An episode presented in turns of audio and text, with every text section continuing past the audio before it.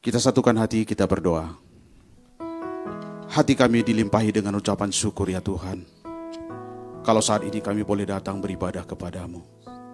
Kami datang dengan doa-doa kami. Kami datang dengan puji-pujian kami. Kami datang dengan penyembahan kami. Biarlah pada saat kami naikkan doa, pujian, penyembahan kami. Engkau berkenan hadir di tengah-tengah kami. Rohmu bekerja di antara kami ya Tuhan.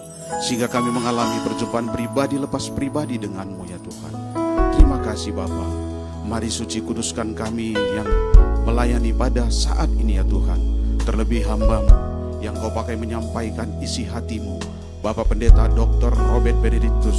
Biarlah Tuhan pengurapanmu turun atas hambamu. Biarlah pada saat engkau bersabda lewat hambamu kepada kami Biarlah firmanmu menjadi pelita bagi kaki kami, terang bagi jalan-jalan kami ya Tuhan. Terima kasih Bapa. Bapa, ambil alih ibadah kami, mulai dari awal, pertengahan, hingga sampai selesai nanti. Terima kasih Tuhan, kami siap memulai ibadah kami, hanya di dalam nama Tuhan Yesus Kristus Tuhan kami. Mari umat Tuhan yang siap beribadah, sama-sama kita katakan, Amin. Terpuji nama Tuhan dan mengucapkan shalom Selamat pagi Bapak Ibu anak muda shalom Pemasmur mencatat dahulu aku muda sekarang menjadi tua. Tidak pernah kulihat orang benar ditinggalkan. Atau anak cucu-cucunya meminta-minta roti. Berapa banyak engkau yang percaya Bahwa masa depan kita anak cucu kita semua diberkati Tuhan. Karena kita hidup dalam keluarga yang mengasihi Tuhan. Yang siap kita berikan tepuk tangan yang paling meriah bagi Tuhan Yesus. Pagi ini kami datang bersama-sama Tuhan. Membawa keluarga kami di Menaikkan syukur kami di hadapan Tuhan. Mari sama-sama Bapak Ibu kita angkat pujian ini bagi Tuhan. Begitu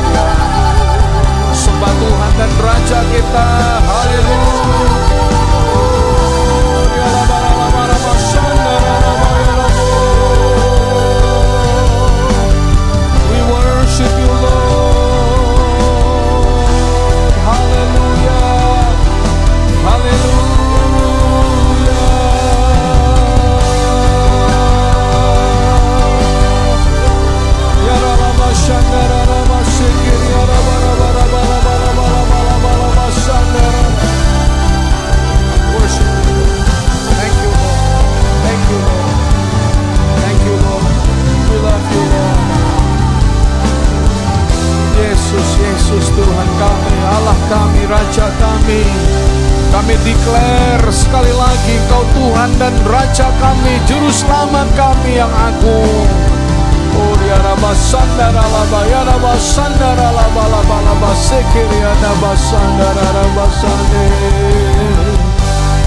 Oh haleluya, haleluya, haleluya. Terima kasih Tuhan, terima kasih Tuhan. Thank you Lord. Oriala bashandara karabashandara karabashandara barakirianda basyakaraba.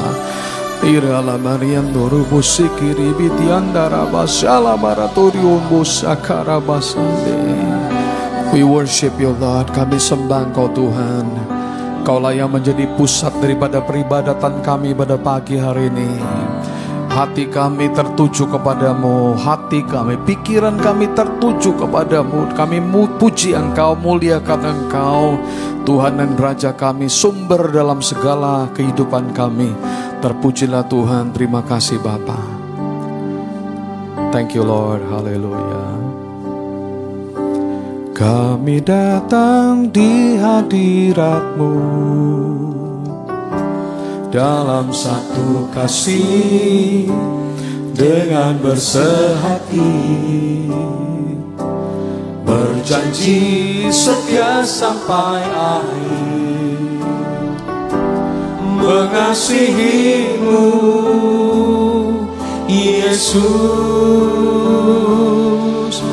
bersama keluargaku melayani Tuhan.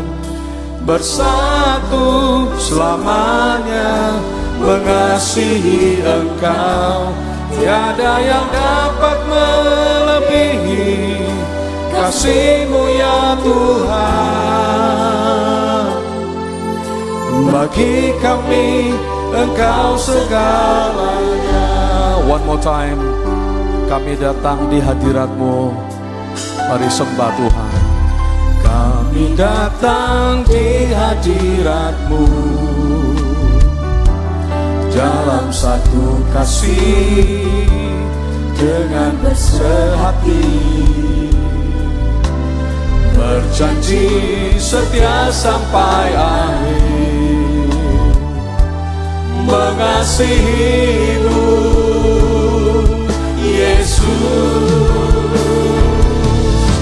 bersama keluargaku melayani Tuhan.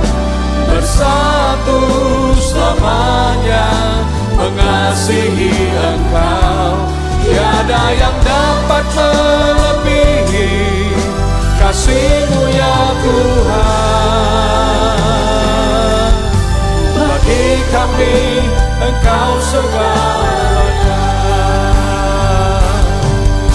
gelombang badai hidup coba menghalangi namun kuasa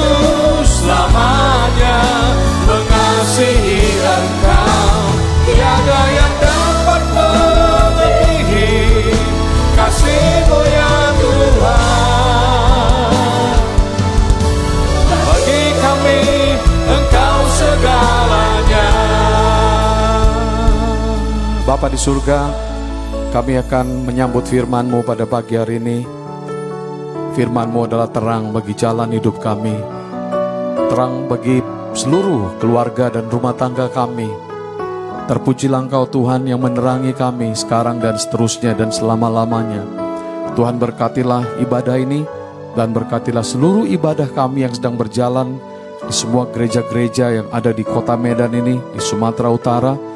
Bahkan kami doakan semua gereja dan aras seluruh Indonesia dalam naungan dan perlindungan Tuhan. Dalam nama Yesus kami berdoa bersama-sama kita berkata, Amin. Haleluya. Selamat pagi, silakan duduk semuanya. Shalom Bapak Ibu, Saudara-saudara yang saya kasih. Apa kabar semuanya? Luar biasa, puji Tuhan. Eh, senang pada pagi hari ini kita bisa berkumpul kembali secara on-site di gereja kita, di GBI Rumah Persembahan. Dan juga saya percaya eh, semua keluarga yang sedang beribadah di rumah masing-masing sudah standby dan akan mengikuti peribadatan kita dengan tekun dan dengan serius. Kalau kita ingin menerima anugerah dan perkenanan Tuhan, maka ketika kita beribadah kepada Dia, kepada Tuhan, maka marilah kita beribadah dengan sungguh-sungguh dan kita memperoleh segala anugerah dan janji Tuhan. Pada pagi hari ini tuntunan kita sepanjang bulan ini adalah berbicara tentang keluarga. Ada sisi yang berbeda, bukannya sekedar membangun rumah tangga yang harmonis, tetapi juga melalui keluarga kita, kita menjadi terang bagi masyarakat di mana kita berada. Melalui keluarga kita, kita menyampaikan kasih Yesus, Injil Kristus kepada semua orang. Pada pagi hari ini saya sendiri memberikan tema yaitu keluarga Kristen yang misioner dan berintegritas. Ada satu quotes yang yang quotesnya berbunyi demikian family where life begins. Keluarga itu adalah di mana kehidupan itu dimulai. And love never ends. dan cinta kasih tidak akan pernah berakhir. Saudara, sesuatu yang paling dekat bagi kita dalam kehidupan kita setiap hari, bukan hanya per jam, bukan per menit, bahkan per detik. Itu yang paling dekat dengan hati dan kehidupan kita adalah keluarga. Menempati urutan yang paling luar biasa dalam kehidupan kita. Walaupun ketika mengatakan itu saya tahu bahwa ada sesuatu yang sangat penting dalam rumah tangga kita, yaitu tentu Tuhan yang kita layani dan yang kita sembah. Inilah prioritas dalam kehidupan kita. Bapak, Ibu, Saudara, ketika seorang psikolog ditanya, diwawancarai, apakah krisis yang terbesar pada abad 21 ini?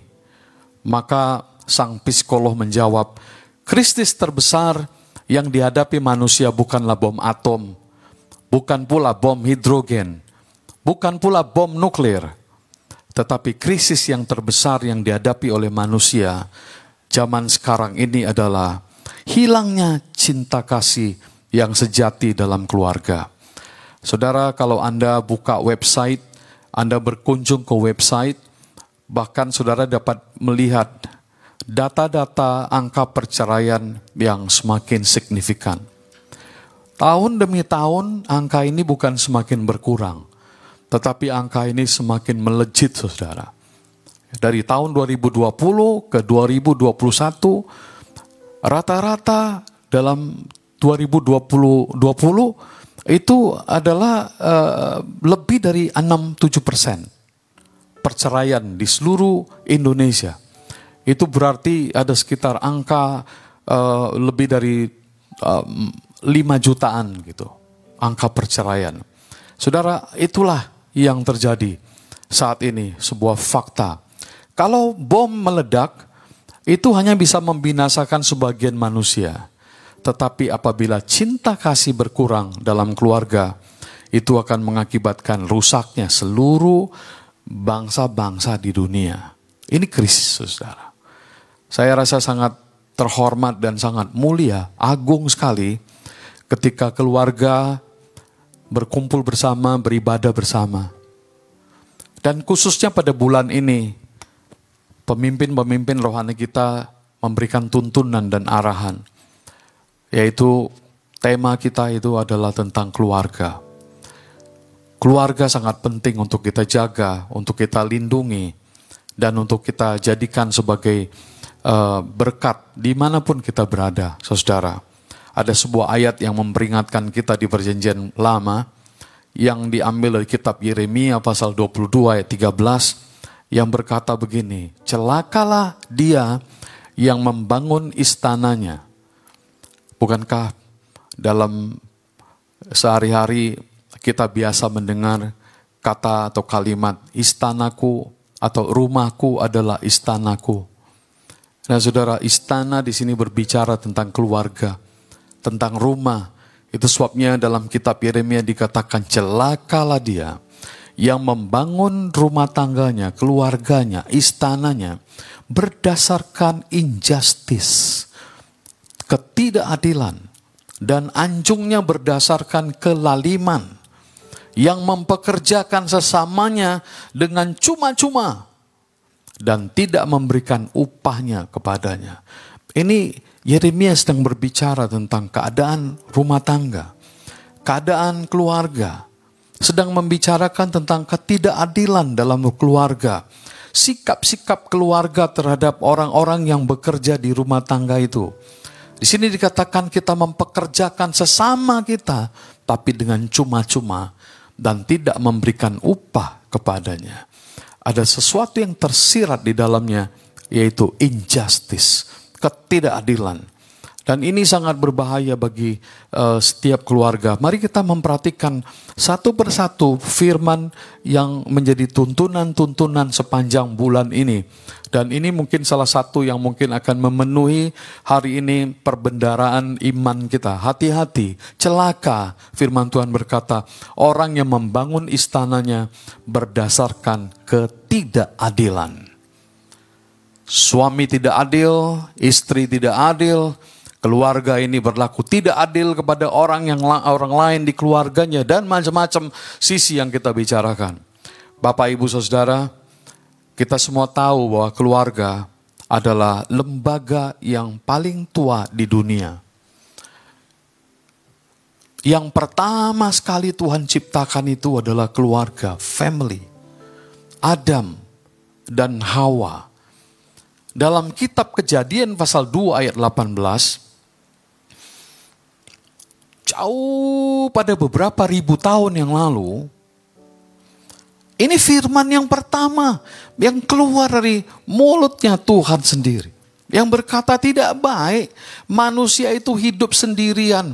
Aku akan membuat teman yang cocok untuk membantunya sebuah versi terjemahan yang baru dan ter, yang yang sehari-hari berkata sekali lagi saya baca tidak baik manusia maksudnya Adam pada saat hidup sendirian aku akan membuat teman yang cocok untuk membantunya.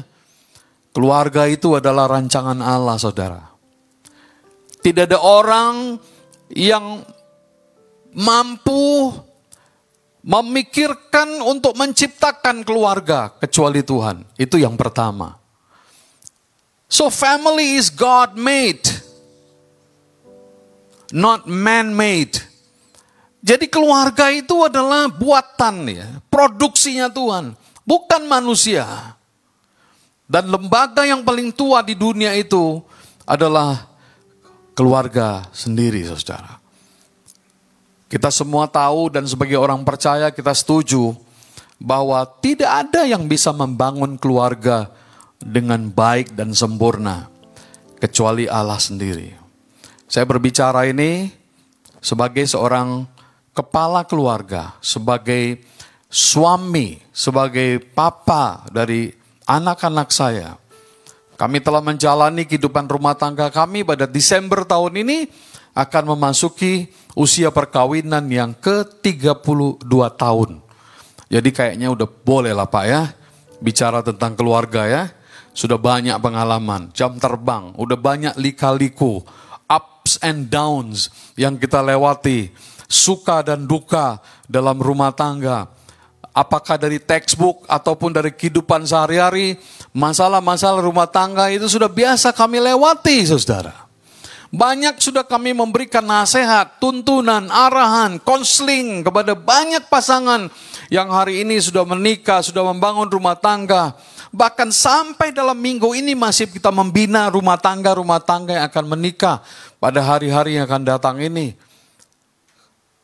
Hebat saudara, keluarga ini sesuatu yang masih eksis sampai pada abad 21 ini.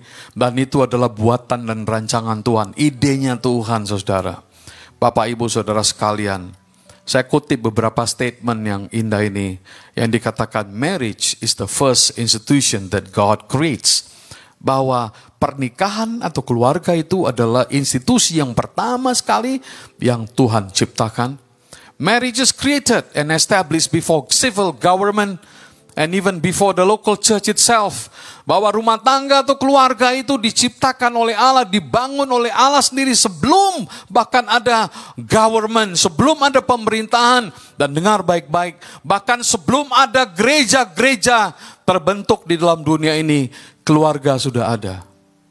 Betapa luar biasanya uh, karya dan ide brilian dari Sang Allah yang omniscience yang maha berpengetahuan, yang tahu segala-galanya dan sampai hari ini keluarga yang diciptakannya itu eksis walaupun banyak orang menodai citra keluarga dan rumah tangga. Marriage is God's design for the most intimate and lasting expressions of all human relationship. Bahwa pernikahan itu adalah desainnya Allah untuk sebuah hubungan yang bertahan selamanya dan menjadi hubungan yang paling intim dari semua hubungan yang ada. Marriage is the fountain. Bahwa pernikahan itu adalah uh, mata air. Fountain, mata air. Yang mana dari situ lahir keturunan dan kehidupan umat manusia. Itulah hebatnya keluarga. Saudara semua familiar dengan Bunda ini, Bunda Teresa. Satu kali beliau ini diundang di Capitol Building di New York City. Sebuah building yang hanya biasanya dipakai untuk ajang pertemuan kelas-kelas dunia dan pertemuan-pertemuan tingkat kepala-kepala negara, menteri dan semua yang terkait. Satu hari Bunda Teresa diundang untuk memberikan speech tentang perdamaian dunia di Capitol Building ini. Nah, saudara, orang yang ditunggu belum datang. Semua meja-meja bundar sedang bertemu. Para menteri, pejabat-pejabat besar dan tinggi negara berkumpul. Dan mereka menanti kehadiran seorang tamu yang menjadi keynote speaker. Dan tidak lama kemudian ada ada pemberitahuan bahwa tamu sudah tiba. Dan begitu tamunya masuk ke dalam ruangan, semua orang berdiri memberikan penghormatan kepada tamu. Ruangan yang tadinya begitu agak hiruk pikuk dan sibuk dan banyak orang yang eh, ribut berbicara tiba-tiba senyap seribu bahasa. Tidak ada lagi orang yang berbicara, orang semuanya berdiri dan ternyata masuklah seorang tua, maaf, yang sudah renta saudara. Yang tidak kuat, yang jalannya pun begitu sulit dipapah kiri dan kanan oleh dua orang yang memegang lengannya, tangannya, dan membawa dia masuk dengan pakaian yang sangat sederhana. Hanya pakaian selama hidupnya itu aja, warna putih dan ada lines yang warna biru. Beberapa pejabat-pejabat waktu itu pernah menawarkan kepada Bunda Teresa, kenapa kamu hanya pakaiannya begini? Kami akan sediakan pakaian-pakaian yang mahal, kain sari yang mahal untuk kamu. Tapi Bunda Teresa bilang, enggak perlu.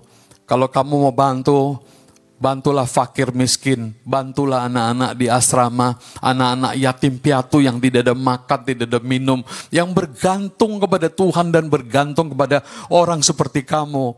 Kamu gak perlu belikan aku pakaian, belikanlah makanan untuk mereka. Saudara, ini orang nggak pernah mau tukar uh, modelnya hanya itu aja kainnya, itu aja uh, stylenya, dan pakai sendal jepit aja. Bayangkan di Capitol Building pakai sari murahan, pakai sendal jepit dan masuk ke dalam ruangan dalam keadaan yang wah itu heboh. Lalu dia bicara, saudara, tentang perdamaian dunia. Setelah selesai itu, waktu turun, seorang menanyakan, seorang wartawan bertanya kepada Mother Teresa, Mother, what is your advice? Apa nasihat Mother? Supaya kita bisa mewujudkan perdamaian dunia. Lalu sambil tersenyum dengan begitu cepat, orang yang tua umur 80-an itu waktu itu menjawab dengan spontan dan dia berkata, Young man, go home and love your family. Dia katakan anak muda, pulanglah kamu ke rumahmu dan cintailah keluargamu. Ya saudara, tidak ada teori untuk mewujudkan perdamaian dunia. Perdamaian dunia itu dimulai dari rumah tangga. Rumah tangga yang damai, rumah tangga ini yang berdamai, rumah tangga itu yang hidup dalam kedamaian. Rumah-rumah tangga yang hidup dalam peace, dalam kedamaian akan menciptakan bangsa yang penuh dengan damai sejahtera, akan menciptakan dunia yang penuh dengan damai sejahtera. Saya mengutip seorang penulis yang bernama Dr. Kenneth Caffin dalam bukunya yang berjudul Is There a Family in the House? Maka dia menyimpulkan ada lima dimensi atau identifikasi keluarga Kristen. Dengar baik-baik Bapak Ibu Saudara, saya juga melihat ah, sadar saya bahwa di sini banyak yang anak-anak muda juga adik-adikku sekalian. Anda memang mungkin belum berumah tangga, tapi khotbah ini pasti akan bermanfaat bagi kamu semua. Jadi tetap relevan. Belajarlah, simpanlah ini, dan kelak waktu Anda berumah tangga, anda akan, anda akan menjadi keluarga yang hebat, suami dan istri yang hebat. Dan mungkin ada beberapa yang hadir di sini yang sedang mengikuti bimbingan pranika di gereja kita ini yang mungkin sedang mendengar khotbah ini. Dan saudara ini merupakan lanjutan bimbingan dan pengarahan untuk Anda semua yang mendengarkan khotbah uh, tentang keluarga. Perhatikan lima dimensi yang ditulis oleh Dr. Kenneth Kevin yang berkata begini. Yang pertama, Keluarga itu adalah sebuah lembaga yang beribadah kepada Yesus Kristus. Apakah kita beribadah kepada Yesus Kristus? Yang kedua, keluarga adalah tempat untuk bertumbuh, berbagi, baik dalam iman maupun dalam kasih, dan tentu di sini peran orang tua sangat dibutuhkan. Tanpa pengawasan orang tua, iman dalam keluarga Kristen sulit terwujudkan. Jadi betapa pentingnya para bapak dan ibu, para papa dan mama yang ada di keluarga kita. Perhatikan yang ketiga, apa yang dikatakan oleh Martin Luther. Martin Luther dan kawan-kawan, saya kutip nih. Keluarga itu adalah sebagai tempat untuk melakukan aktivitas-aktivitas rohani. Martin Luther, ya, tentu seorang misionaris Jerman yang sangat hebat dan terkenal. Martin Luther berkata, Familie is eine kleine Kirche. Itu artinya keluarga adalah gereja yang kecil, kata Martin Luther. Yohanes Calvin, pendiri Calvinism. Yohanes Calvin berkata bahwa keluarga adalah gereja kecil, sama pendapatnya. Petit Eglise. Kemudian ada juga statement yang lahir dari uh, uh, Vatikan II, Konsili Vatikan II yang ditulis oleh Paus Yohanes yang ke-23 yang berkata dalam Konsili Vatikan II bahwa keluarga itu adalah gereja yang mini, Ecclesia Domestica. Bapak Ibu Saudara, benar apa yang disurvei oleh Kenneth tadi bahwa keluarga itu adalah tempat kita melakukan aktivitas rohani. Sayang dan Anda akan kecewa, maafkan saya untuk mengatakan itu apabila rumah tangga Anda tidak menjadi pusat aktivitas rohani.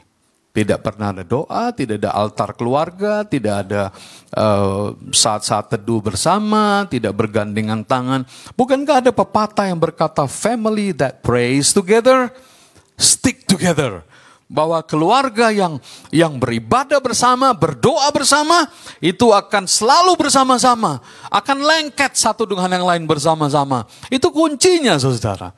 Jadi jangan biarkan keluarga kita kering dan tidak memiliki mesbah doa, mesbah altar doanya. Yang keempat, keluarga adalah tempat untuk mentransfer nilai-nilai kehidupan Melalui keluarga akan diajarkan tentang moral kehidupan sehingga dapat berjalan lurus tanpa adanya sikap yang menyeleweng. Dan yang kelima dan terakhir, dimensinya berkata keluarga itu adalah tempat untuk memperhatikan dan tempat untuk mentransfer energi yang hidup lebih dekat dengan ajaran Yesus Kristus. Semuanya bersumber dari keluarga, perlu perhatian dari orang tua. Bapak, Ibu, Saudara sekalian, ini saya masuk ke dalam pengajaran nih. Secara teologis, keluarga Kristen itu dibangun dari sebuah akar sejarah yang sangat kuat sekali, yang bisa kita lihat dan kita pelajari dari metode misi ya Rasul Paulus. Tadi keluar dari tema saya itu adalah keluarga itu adalah keluarga yang misioner. Perhatikan strategi Paulus. Paulus kalau dia dalam perjalanan misinya, dia nggak tinggal di sembarangan penginapan, tapi dia tinggal di keluarga dan rumah-rumah orang menjadi kontak dia. Apakah udah percaya atau belum? Pokoknya dia masuk ke dalam keluarga itu dan dari situ dia menyampaikan Injil dan menceritakan tentang Kristus. Lihat perhatikan contoh-contoh banyak banget di Alkitab. Ini teologisnya saudara. Paulus tinggal di rumah Lydia di Filipi, ayatnya saudara lihat sendiri. Paulus tinggal di rumah Yason di Tesalonika. Paulus tinggal di rumah Aquila di Korintus. Paulus berada di ruang atas di Troas. Paulus tinggal di rumah Filipus di Kaisaria. Paulus juga melayani jemaat yang ada di rumah-rumah tertentu, jemaat di rumah Priscilla dan Aquila, rumah Aristobulus, rumah demi rumah. Why? Why homes? Karena dari situlah bergerak Injil. Paulus tinggal di rumah Narkisus. Paulus tinggal di rumah Gaius yang memberikan tumpangan kepadanya. Dia juga tinggal di jemaat di rumah Nimfa dan Paulus pernah tinggal di rumah Karpus di Troas dan lain-lain saudara. Hal ini menjelaskan kenapa dalam perjanjian baru begitu banyak baptisan terhadap satu keluarga. Satu kepala keluarga dan akhirnya rumah tangga ikut bertobat dan rame-rame dibaptis. Nah kita dipanggil untuk menjadi terang. Keluarga kita harus menjadi terang. Keluarga kita harus menjadi keluarga yang misioner. Misalnya Cornelius dibaptis, seisi rumahnya dibaptis. Lydia di Filipi, kepala penjara, semua keluarganya dibaptis. Keluarga Stefanus di Korintus. Paulus dalam pelayanannya selalu memulai dari rumah saudara. Gereja di perjanjian baru adalah gereja rumah. Mengapa murid-murid Yesus dan Paulus menggunakan rumah untuk kegiatan gereja? Mereka menggunakan rumah untuk kegiatan gereja karena apa? Yang pertama, rumah itu atau keluarga itu adalah unit sosial. Yang kedua, unit ekonomi. Dan yang ketiga adalah unit religius. Rumah menjadi center komunikasi bagi para penginjil untuk memberitakan Injil Yesus Kristus dan lain-lain. Bapak, Ibu, Saudara, gereja sekarang ini khususnya selama masa pandemik udah agak sulit berkumpul seperti biasa. Mungkin satu setengah tahun yang lalu kita normal beribadah di gereja beribadah leluasa bisa ber, berdekatan sekarang berjarak bisa berjabat tangan sekarang tidak berjabat tangan salam sehati saja. Macam-macam saudara dan ibadah tidak semuanya bisa beribadah di gereja secara onsite. Syukur kita sekarang udah bisa buka secara onsite dengan batasan tetapi masih banyak yang sedang beribadah di rumah. Bapak, ibu, saudara sekalian yang berada di rumah, Anda mendengar sekali lagi. Anda bukan hanya menonton ibadah ini, tapi Anda ikut beribadah bersama-sama. Firman yang disampaikan, kiranya itu menjadi firman yang menguatkan saudara sekalian. Gereja khususnya pada masa pandemi COVID-19 itu berada di rumah kembali saudara. Your home is your little church. Seperti yang Pak dikatakan oleh para bapak-bapak gereja kita itu. Bahwa rumah-rumah kita itu adalah gereja-gereja kecil. Dan khususnya pada masa COVID-19, kita beribadah dari rumah. Perhatikan dengan cepat, saya akan uh, mengakhiri beberapa slide lagi. Profesor Nick Stinnett dari University Nebraska melakukan sebuah uh, research tentang family strength keluarga yang kuat itu seperti apa.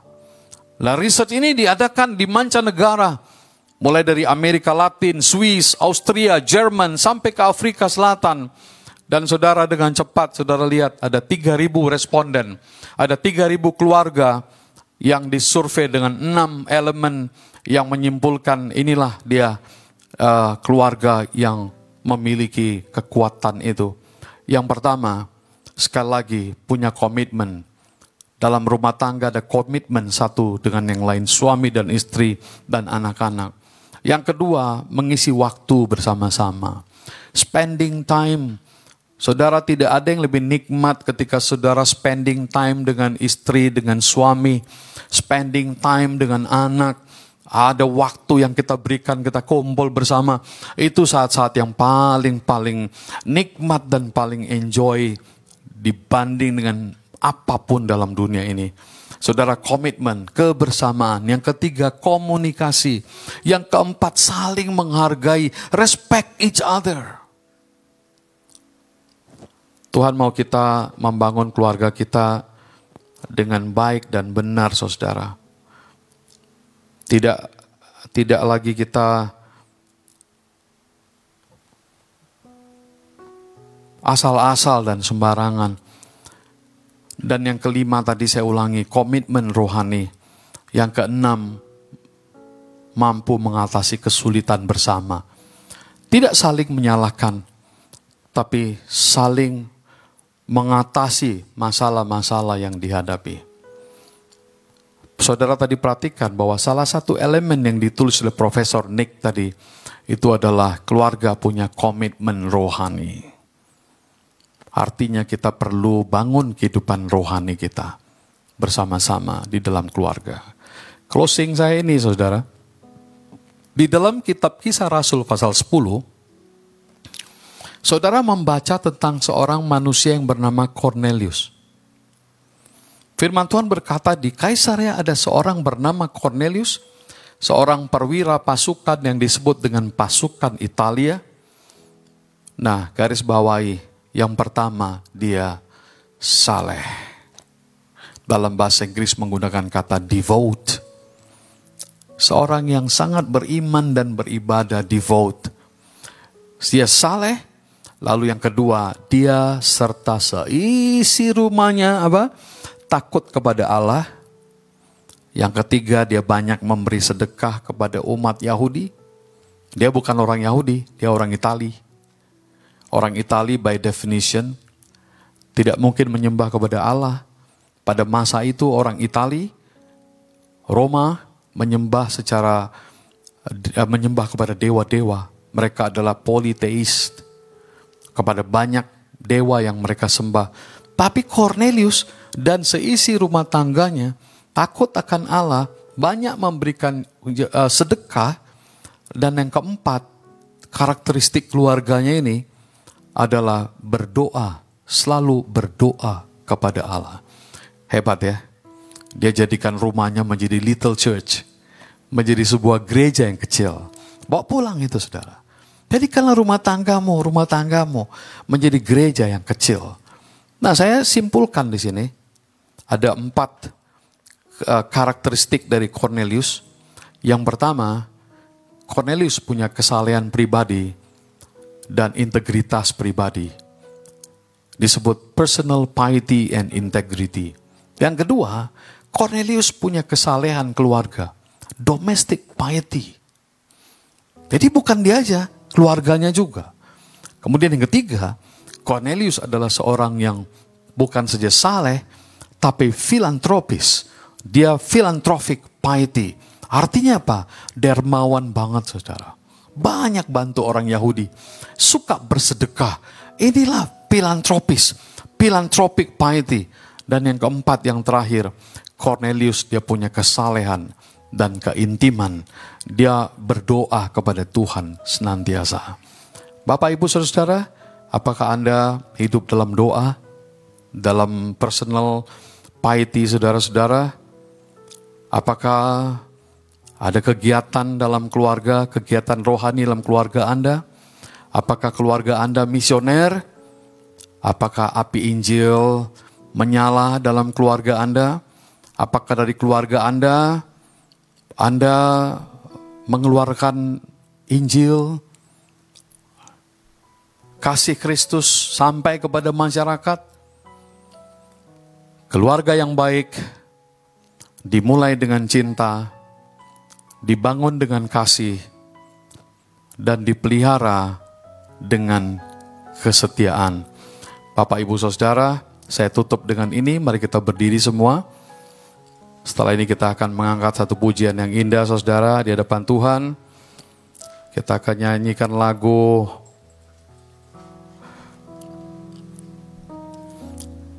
pandang wajahmu ya kita standby semua berdiri saat saudara berdiri saudara bukan hanya berdiri biasa-biasa saja tapi doa saya harapan saya himbauan saya saudara terhubung dengan Tuhan dan berdoa kepada Tuhan di hati saudara.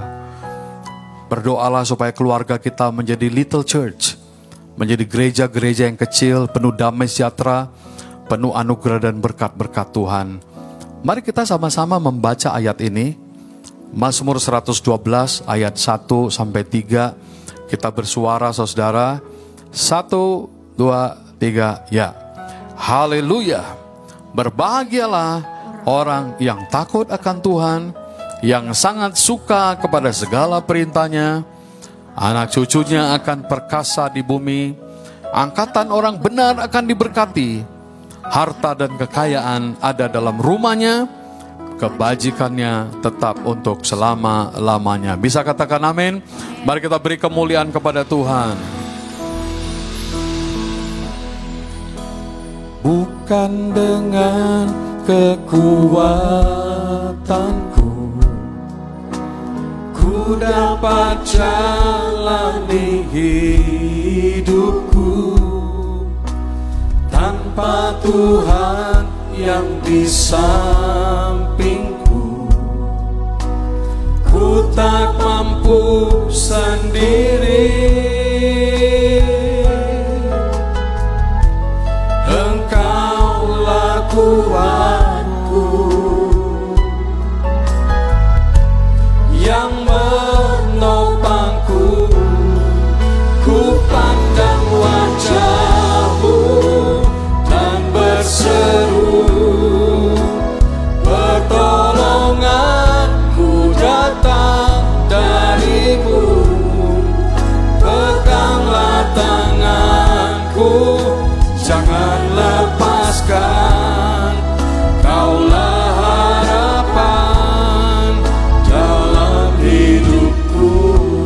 Bahasa Batak kita akan pujiani bersama-sama.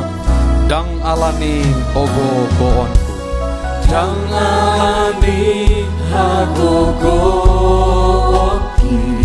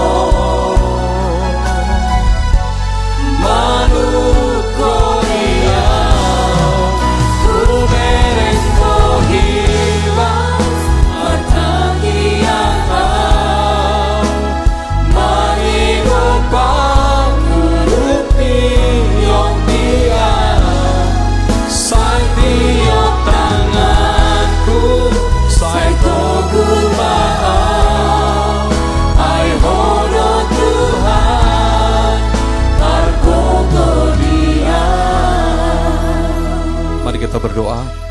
Bapak biarlah anugerahmu tercurah atas kami semuanya.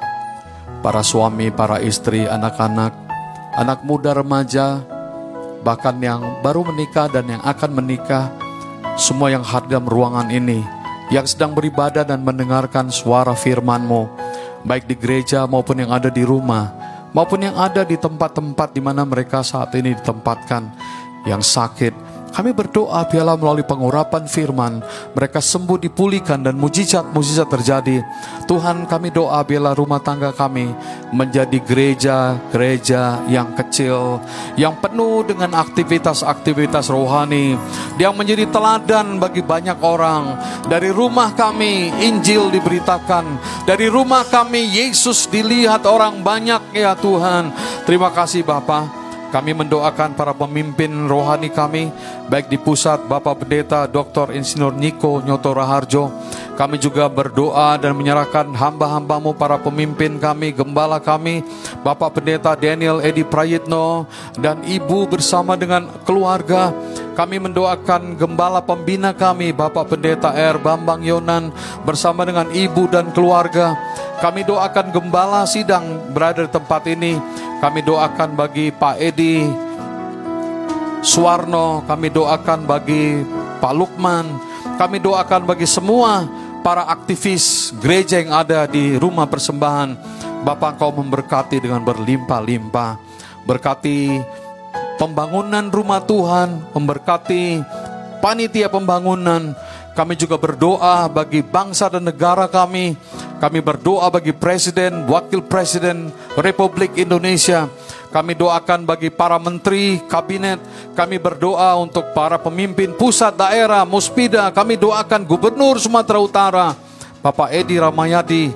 Kami berdoa bagi uh, wakil pre, uh, wakil gubernur. Kami doakan bagi wali kota Bobi Nasution dan wakil dan semua aparat yang ada di Sumatera Utara, Kota Medan.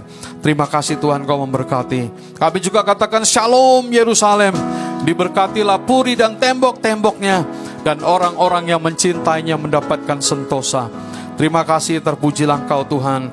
Kiranya kau memberkati semua persembahan semua yang memberikan para donatur dan para uh, anak-anakmu yang, yang, yang mengirimkan persembahan, yang memberikan persembahan secara uh, tekun dan sungguh-sungguh Tuhan kau memberkati dengan berlimpah-limpah.